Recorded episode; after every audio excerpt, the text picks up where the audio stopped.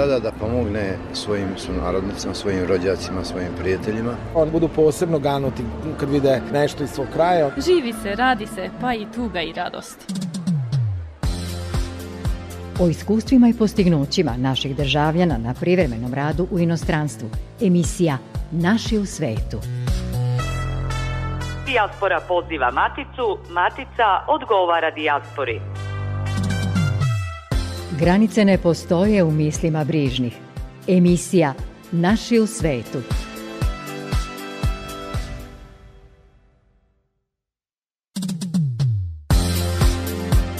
Dobar dan. Ovo je emisija posvećena vezi Matice sa svojim uspešnim rasejanjem u svetu. U narednih pola sata u programu Srpskog udruženja prosvjeta u Hrvatskoj.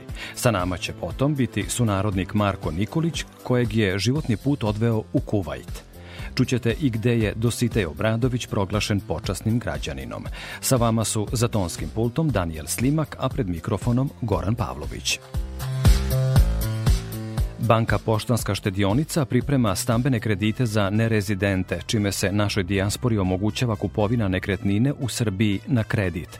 Kredit mogu da dobiju naši državljani bez prebivališta u Srbiji koji u inostranstvu imaju prijavljen boravak minimum jednu godinu i ukoliko su zaposleni. Detaljnije o uslovima za podizanje kredita možete naći na sajtu Poštanske štedionice u opciji Stambeni krediti. Centralna organizacija Srba u Hrvatskoj, Srpsko kulturno društvo prosvjeta, predstavila je svoj rad na polju obrazovanja, izdavaštva i očuvanja narodne kulture u arhivu Vojvodine.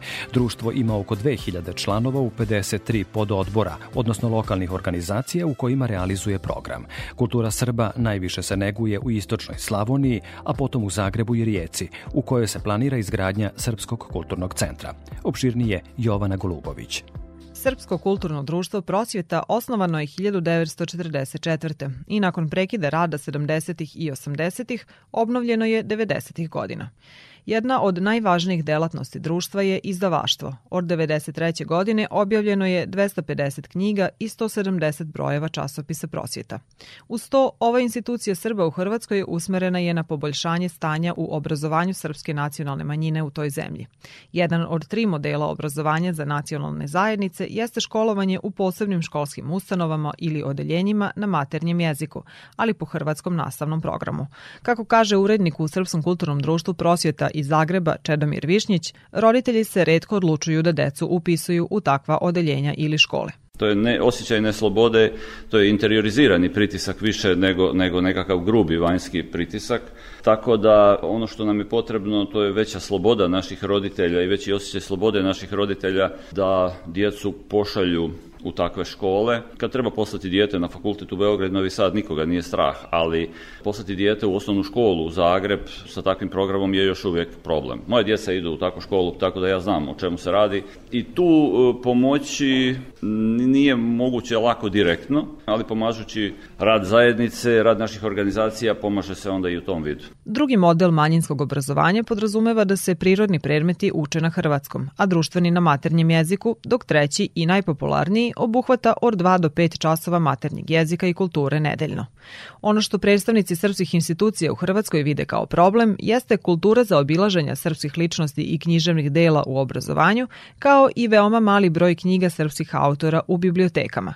Takođe, problem je i nedostatak kadra koji predaje predmete na srpskom jeziku, kao i mladih koji se bave srpskom kulturom u Hrvatskoj, objašnjava Višnjić. Standardno postavljen kulturnjački program koji je na neki način logičan tipičan u kulturi naših nacionalnih osjećaja i naših nacionalizama se pokazuje kao pomalo zastario i tu, tu imamo problema dakle, sa, sa animacijom i sa mobilizacijom mlađeg sastava, ali šta da kažemo, rješavamo to kako možemo. Ko dođe, dobro je došao. U arhivu Vojvodine predstavljen je i rad Vijeća Srpske nacionalne manjine Primorsko-Goranske županije iz Rijeke. U toj županiji postoji jaka srpska zajednica koja je i za vreme i nakon rata imala podršku lokalnih samouprava, kaže predsednik Vijeća vijeća Zoran Stanković. Borimo se da nam pomognu da realiziramo jedan mega projekat, a to je Srpski kulturni centar u Rijeci, gdje smo već u fazi da smo napravili papire, napravili smo ove projekte, kupili smo zemlju i cilj nam je da taj Srpski kulturni centar bude ne samo srpski, nego i za sve građane Rijeke i tako ćemo program e, koncipirati. U planu srpskih institucija u Hrvatskoj je povezivanje sa svim značajnim srpskim institucijama, poput Arhiva Vojvodine, Maticom Srpskom, Srpskom akademijom nauka i umetnosti i Narodnim muzejom. Putanja koja povezuje postoji, treba je samo utabati. Emisija Naši u svetu. Nismo isti. Svako ima svoju priču i neku svoju prošlost. Nismo krivi ako se neko rodi u siromašnoj ili bogatoj porodici. Ja sam se rodio, mogu da kažem, u siromašnoj, ali to ne znači da ću celog života biti siromašan. Svi mi imamo podjednaku šansu. Ne želim da sudim, nisam Bog. Nikada nisam bio ljubomoran na svog drugara koji je imao skuplje i bolje patike. Nikada nisam bio ljubomoran, ani zavidan. Borio sam se da i ja sutra imam nešto lepo, jer sam u dubini duše znao da mogu i da hoću. Kad tad. Ovo su, poštovani slušalci, reči sunarodnika Marka Nikolića, fitness menadžera o kome je pisala koleginica Violeta Milićević iz Niških vesti. Intervju do kog sam došao tragajući za našim uspešnim ljudima u svetu. Marko Nikolić je rođen u Vranju, živeo je i školovao se i radio u Nišu. Trenutno se nalazi u Kuvajtu. Kako je čoveku, poreklom iz jednog malog grada, u sada potpuno drugačijem okruženju, reći će nam on sam. Dobar dan Marko, dobrodošli u program Radio Novog Sada i emisiju Naši u svetu. Dobar dan, dobar dan. Hvala što ste me pozvali. Kuvajt je zemlja Bliskog istoka, nalazi se u Persijskom zalivu, ima oko 4,5 miliona stanovnika, od kojih su oko 1,3 miliona kuvajćani, dok su ostalih 3,2 miliona doseljenici, odnosno strani državljani, među kojima ste i vi, Marko. Kada ste otišli u Kuvajt i sa kojim planovima? U Kuvajt sam otišao pre jedno 4-5 godina i planovi su mi bili da napravim nešto, naravno, ovaj, da napravim još koji uspeh ako mogu, tako da ovaj, to je bio jedan jedini razlog. Teo sam malo da promenim sredinu i da vidim da li mogu da uradim nešto van naše zemlje. Tako da zato sam se odlučio na taj korak, pošto sam ono, volim, volim avanturu i volim tako da menjam gradove, države i to je to. Dobio sam ponudu i eto mene u Kuvitu. Koliko ste dugo u Kuvajtu tamo? Oko četiri godine, ako se ne varam. Pa da, sada će biti peta godina. Sve je više naših ljudi na radu u zemljama Bliskog istoka. U jednom intervju ste rekli da su naši ljudi tamo cenjeni i uspešni. Čime se pretežno bave, ako ste upoznati i koliko su upućeni naši ljudi jedni na druge u jednoj potpuno drugačijoj i po mnogo čemu specifičnoj zemlji? Ovde na Bliskom istoku, da kažem generalno u Kuvajtu, ljudi dolaze da kažem iz Srbije da bi pronašli posao, posao u svojoj struci, a ovaj ta struka je najviše ovaj profesor fizičkog vaspitanja, doktor i tako te stvari, fitness trener, fitness menadžer, najviše dolaze, da kažem, mi pronalaze poslove u, u tim poljima. Znači, mislim, upoznao sam, upoznao sam uh, mnogo prijatelja i ovaj uglavnom su profesori, učitelji, vaspitači, doktori, fitness treneri. Kažete da ste upoznali naše ljude, dakle ljude iz Srbije u Kuvajtu. Da li ste eventualno upućeni na njih dok obavljate svoj posao tamo ili je vama nova sredina donela jedno potpuno novo okruženje koje podrazumeva i drugačije navike kojima morate da se prilagođavate i da ste onda upućeni samo na ljude sa kojima tamo radite. U najkraćem, da li ste ostali u kontaktu sa ljudima iz svog kraja, a sa druge strane, šta vam u život donosi Kuvajt i Kuvajćani? Kada sam došao ovde prvi put, ja nisam poznavao nikoga, ja došao sam sam i, i ovaj, tek kasnije sam upoznao neke naše ljude i ono, i dan danas se družim sa njima, ali to je samo par njih, pošto ovaj, mi ovde iskreno da kažem, previše radimo i nemamo toliko vremena za druženje. Ono. Pošto ovde u Kuvajtu jedino petkom slobodan dan i onda posle naporne nedelje jedva čekaš da budeš sam i ono malo da odmoriš, da prošetaš, tako da ovaj ponekad ako, na primjer, ja mogu da, da izađem, neko drugi ne može da izađe, nema vremena, ili je sa porodicom, ili je previše umoran, tako da, ali dobro, uklopimo se ponekad i evo, da, danas sam bio ovaj, sa jednim prijateljem a, do bioskopa, odgledali smo film, popili kafu i tako, vratio sam se kući i to je to. Sutra, sutra je novi dan. A što se tiče Srbije, pa da, čujem se, ovaj, čujem se sa, sa prijateljima svakodnevno i to je to. Najviše preko društvenih mreža, ono svako objavljuje gde je, šta je, šta radi, kako je, to su društvene mreže, Instagram, Facebook.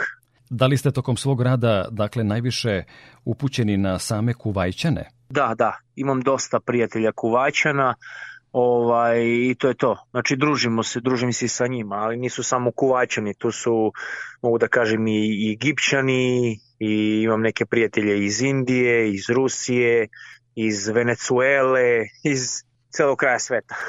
Dok ste bili u Srbiji, rekli smo, školovali ste se u rodnom Vranju, potom ste pohađali osnovne studije na Fakultetu za sport, gde ste bili jedan od najboljih studenta sa prosekom ocena 9.30. Završili ste i master studije, upisali doktorske. Iz Vranja ste se preselili u Niš, gde ste otvorili svoj prvi fitness centar, a zatim ste kreirali svoj fitness program koji je osvojio Evropu, zove se Freestyle Power Workout.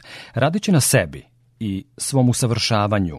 Našli ste vremena i za jedan humanitarni izazov u kojem ste vi kao maratonac pokušali da dođete do novca koji ste namenili lečenju obolele devojčice, koja je morala da ide na transplantaciju koštane srži u Bolonji i tako ste se iz Niša uputili ka Atini. Kao motivacioni govornik stalno se osvrćete i apelujete na pomoć ugroženima. Kako biste, Marko, opisali taj vaš humanitarni podvig do Atine i imali ljudi koji su vam se našli kao pomoć i logistika u tome? Da, imao sam logistiku, jer moj prijatelj i moja prijateljica, oni su krenuli sa mnom, pratili su me automobilom i sve je bilo okej. Tako da ovaj, mogu reći jeste, bilo je previše teško, naporno, ali na kraju smo uspeli. To je trajalo negde oko 22 dana koliko se sećam. Po ceo dan smo bili na putu, 8 sati, od ujutru do uveče, ovaj, hodanje, trčanje, noću smo spavali, budili se oko 7-8 ujutru i tako izgledao svaki naš dan, dok na kraju nismo došli do, do cilja, do Atine i uspeli ste da obezbedite sredstva za lečenje obolele devojčice. Da li imate informaciju kako se ona sada osjeća? Znam da mi moja mama rekla da, pošto ona prati, prate se na, na društvenim mrežama i rekla mi da je super, da se super osjeća, sad ne znam, mislim da ima oko dve, tri godine, ovaj, tako da poslala mi je sliku, video sam kako izgleda, baš je ono porasla devojčica i drago mi je pre svega mislim drago mi je što je zdrava i to je to. Mislim sakupili smo uh, sva novčana sredstva negde oko 15. 16. dana pre Atine i onda smo posle preusmerili ovaj uh, novac za lečenje, kako se sećam, jednog novinara iz Niša. To je bilo za njih 3-4 dana. Bili smo blizu Atine tako da smo mi iza njega sakupljali novac. Ne znam koliko smo bili sakupili za njega, oko desetak, petnestak hiljada eura, tako nešto bilo. U jednom trenutku nisam imao šta da jedem. Bilo je teško. Niko nije verovao u mene, smejali su se, ali ja sam nastavio dalje. Iz dana u dan počeo sam da napredujem, veliki broj članova u fitness centru, veliki broj online klijenata, veliki broj trenera koji su položili za moju licencu. Posle par godina postao sam evropski fitness prezenter. Kaže naš sagovornik Marko Nikolić sa kojim ćemo o njegovom uspehu u Kuvajtu govoriti u nastavku emisije Naši u svetu. Poštovani slušalci, ostanite uz nas.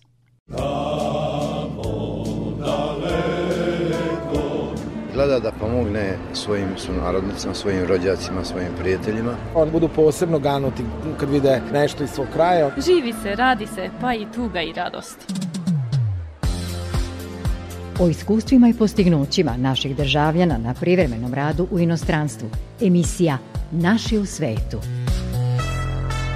Dijaspora poziva Maticu, Matica odgovara dijaspori. Granice ne postoje u mislima brižnih. Emisija Naši u svetu.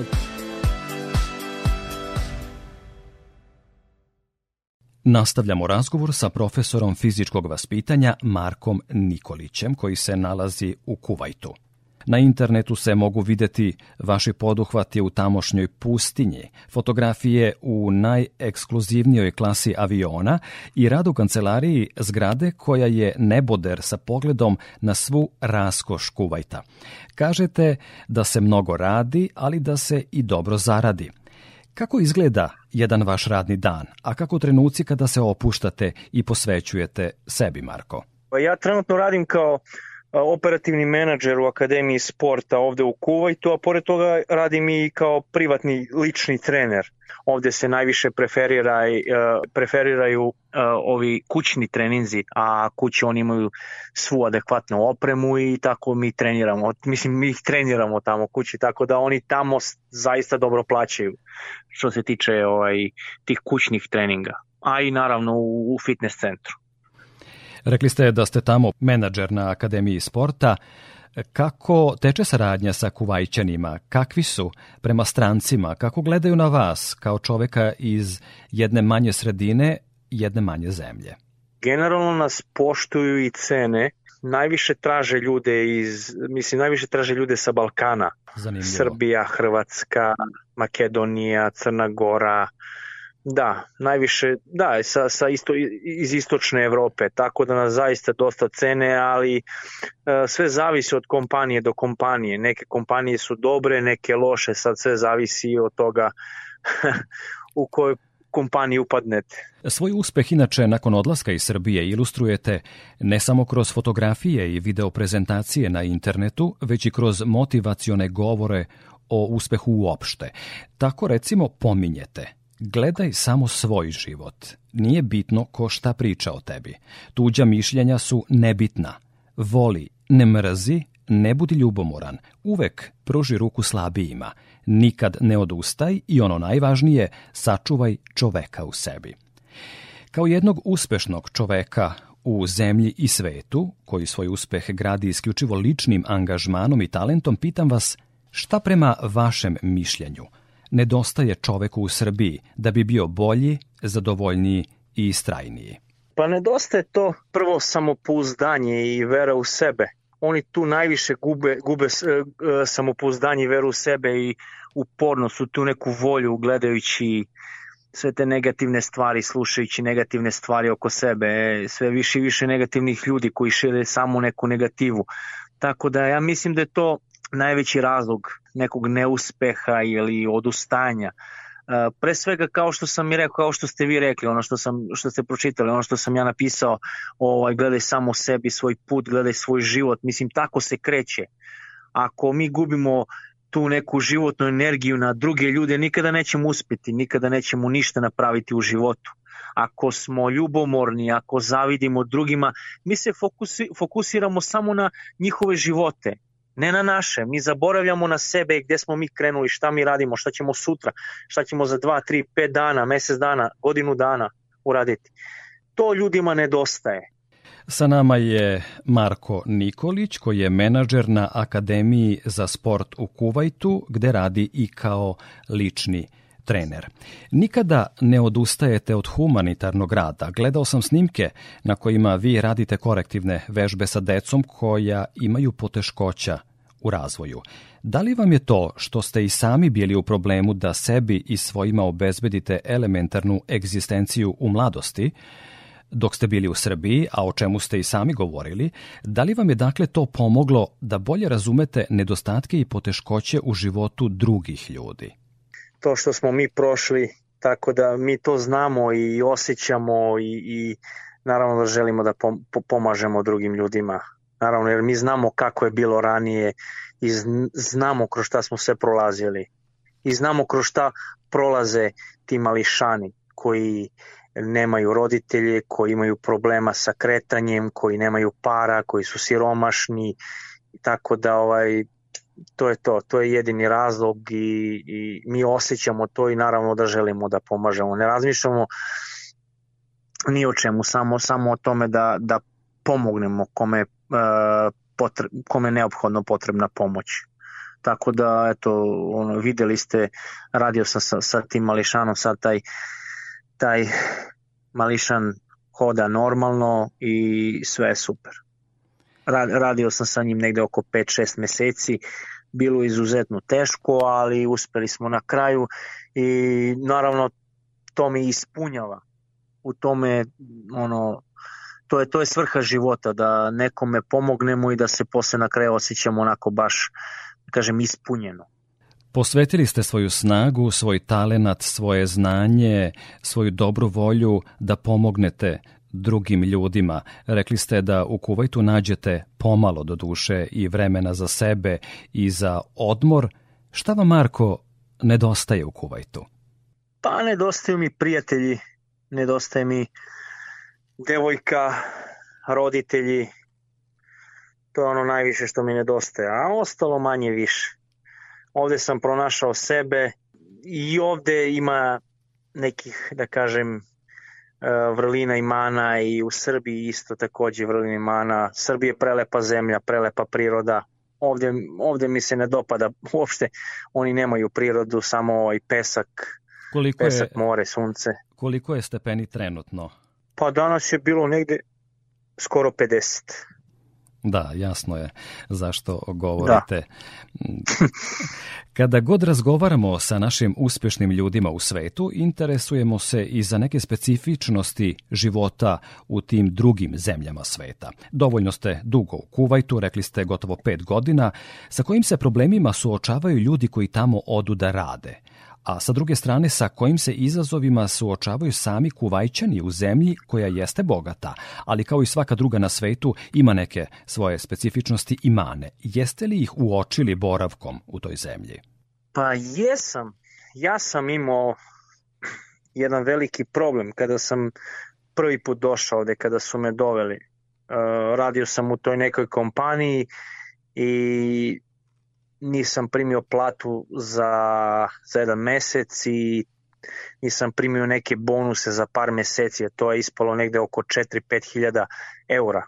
Tako da, da su oni meni ostali dužni 4-5 hiljada eura i izuzetno je bilo teško zato što sam prvi put ovde, nikog ne poznajem. Uh, jedva, jedva sam se snašao na kraju, ovaj, bilo je mnogo teško, razmišljao sam da se vratim kući, Uh, i onda sam stegao zube, rekao sam ne, ostaješ ovde, ideš do kraja, znaš zašto si došao i onda sam pronašao put nazad. To je ono što sam vam pričao malo pre, ovaj, neko može da se snađe, a neko ne može da se snađe i vrati se kući.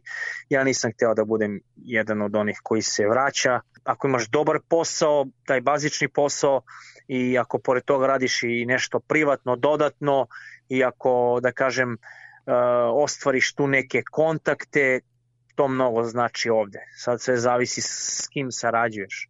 Ja sam ovde trenirao uh, ljude iz kraljevske porodice, sada sam i dalje u, kontakt, u kontaktu sa njima, sada smo i prijatelji, radimo neke projekte, upoznao sam stvarno dobre ljude. Dopada mi se ovde što uvek možeš da pronađeš neki novi posao, jer postoji šansa, nova šansa i što si više ovde, više te cene. Jer te uvek pitaju ono gde god da odeš na koji god konkurs za posao, oni te pitaju koliko godina si u Kuvajtu i gde si sve radio. To je to. I onda posle sebi dižeš cenu i to je to. Ne, dižeš svoju vrednost naravno. Rekao sam tokom ovog razgovora i ponovit ću, tragajući za našim uspešnim ljudima u svetu na internetu, došao sam do vaše životne i radne biografije koja mi je zaista onako izgledala impozantno i sada slušajući vas tokom ovog razgovora kako ste prosto puni optimizma i dobre vere i nade u život i u koliko ste upućeni u taj humanitarni rad i koliko o svemu, o, tom, o svemu tome govorite sa jednom neiscrpnom energijom. Zaista mi je drago što smo se čuli i što od vas i naši slušaoci i ja kao novinar, jer čovek se uči dok je živ, može mnogo toga dobrog i pozitivnog da nauči. Marko, gde mogu da vas prate? Oni koji su se tokom našeg razgovora zainteresovali za ono što vi radite. Naša je misija da, osim što predstavljamo naše uspešne ljude u svetu, da ih i povezujemo sa onima u matici koji su željni novih saznanja i životnih iskustava. Dakle, gde mogu ljudi koji su zainteresovani za vas i vašu radnu biografiju i ono što vi radite da vas prate? Instagram profil Marko Nikolić 86 i Facebook stranica Motivacija Marko Nikolić. Da li vas put uskoro dovodi na prostore iz kojih potičete? Da li planirate i da li stižete da razmišljate o poseti Srbiji? I šta vas najčešće u Kuvajtu asocira na zemlju porekla? Imali takvih trenutaka? Pa, zaista trenutno ne razmišljam o povratku. Planiram da ostanem ovde još par godina sigurno i onda posle vidjet ćemo. O, imam neke planove, ali možda nastavim da živim negde u nekoj drugoj zemlji i pokrenem tamo neki novi biznis i tako dalje, ali vidjet ćemo u svakom slučaju. Na kraju krajeva volio bi da se vratim u, u svoju zemlju, zato što volim Srbiju i obožavam prirodu Srbije. Tako da skoro sam bio do Srbije i iskreno da vam kažem prelepo, prelepo stvarno. Kuvajt je zemlja prirodnog bogatstva koja je po tome poznata u svetu. I Srbija ima svoja bogatstva koja su neretko rasuta po svetu. Mnogi su narodnici su bolji život potražili u drugim zemljama i tako postali intelektualni kapital koji se uvećava i na koji jednog dana želimo da se oslonimo i ugledamo ovde u Matici po njihovom povratku. Dok se o tome razmišlja sa obe strane, zahvaljujemo što ste bili sagovornik emisije Naši u svetu Radio Novog Sada. Hvala vama što ste me pozvali i nadam se da se čujemo ponovo. Zašto da ne, uvek smo zainteresovani da zabeležimo tako bogato radno iskustvo i biografiju naših reprezentativnih ljudi u svetu. Za kraj ćemo čuti deo iz motivacionog spota Ti si borac, našeg sagovornika Marka Nikolića. Koliko si puta pao na dno i pomislio da nema povratka nazad? Bićeš sam i zato nastavi da koračaš, nastavi da se boriš. Zapamti, ne smeš da staneš. Svaki dan je bitan, svaka sekunda je bitna, svaki novi dan donosi novu šansu. U tvom životu ne postoji, umoran sam, nemam više snage da se borim. Ja znam da možeš, ja znam da hoćeš. Nemoj da se plašiš, ja sam Marko Nikolić i dobrodošli u moj svet. Vežu nas događaj, misli, kultura i tradicija. Emisija Naši u svetu – Kanadska fondacija Sabor Srbije iz Vancouvera donirala je opštoj bolnici u Vršcu Term, sistem za grejanje beba, takozvani topli sto za preglede. Donaciju je lično uručio direktor fondacije Dragan Paunović. Naša fondacija osnovana je 2002. godine i od tada Srbiji iz Vancouvera redovno doniraju opremu dečijim odeljenjima bolnica u Srbiji. Drago nam je da uspešno pomažemo našu otačbinu već 20 godina, naglasio je Paunović. Odlukom grada Čakova u Rumuniji, gde je rođen Dositej Obradović, naš prosvetitelj postao je počasni građanin tog grada. O tome kako se razvijala ta ideja sa glavnim i odgovornim urednikom srpskog glasila Naša reč Nikolom Lakićem razgovara Gordana Gligorić, urednica emisije Večeras zajedno Radio Beograda 1, sa kojim naša emisija razmenjuje zapise iz dijaspore. Prošlog petka objavili smo da je iz Beča, iz društva Vilhelmina Mina Karadžić pokrenuta inicijativa da se Dušku Radoviću posthumno dodeli nagrada grada Beograda. Na potezu su odbornici novog saziva Skupštine grada. Umeđu vremenu stigla nam je vest iz Čakova, gradića u Rumuniji, u rumunskom delu Banata, da je našem dositeju Obradoviću Odlukom gradskog parlamenta dodeljena titula počasnog građanina tog mesta. Mnogi ne znaju da je veliki srpski prosvetitelj i reformator rođen u Čakovu. Ima tome, ako sam dobro izračunala, skoro tri veka, 280 godina. Nikola Lakić, glavni odgovorni urednik naše reči, jedinog srpskog nedeljnika u Rumuniji, sa nama je večeras. Nikola, dobroveče. Dobroveče. Ko je pokrenuo inicijativu da se Dositeju dodeli titula počasnog građanina Čakova? Zapravo to je bio predlog e, lokalnog meštanina e, profesora Bogdana Sekulića i opštinsko veće Čakova je e, usvojilo taj predlog i inicijativu gradonačelnika gospodina Petra Filipa. Nekolicini lokalnih ličnosti je posthumno dodeljeno zvanje počasnog građanina grada Čakova, između ostalih i Dositeju Obradoviću. Reč je o ličnostima koje su na pozornici e, nacionalnog i evropskog duhovnog i kulturnog e, prostora ostavili nekakav trag, a naravno naš Dositej od rodnog Čakova preko Fruškogorskih manastira, evropskih predstavnica, naravno da je ostavio nemerljiv e, trag imajući u vidu da eto pre, kao što ste sami rekli, pre 280 godina u to vreme govorio je 10 jezika.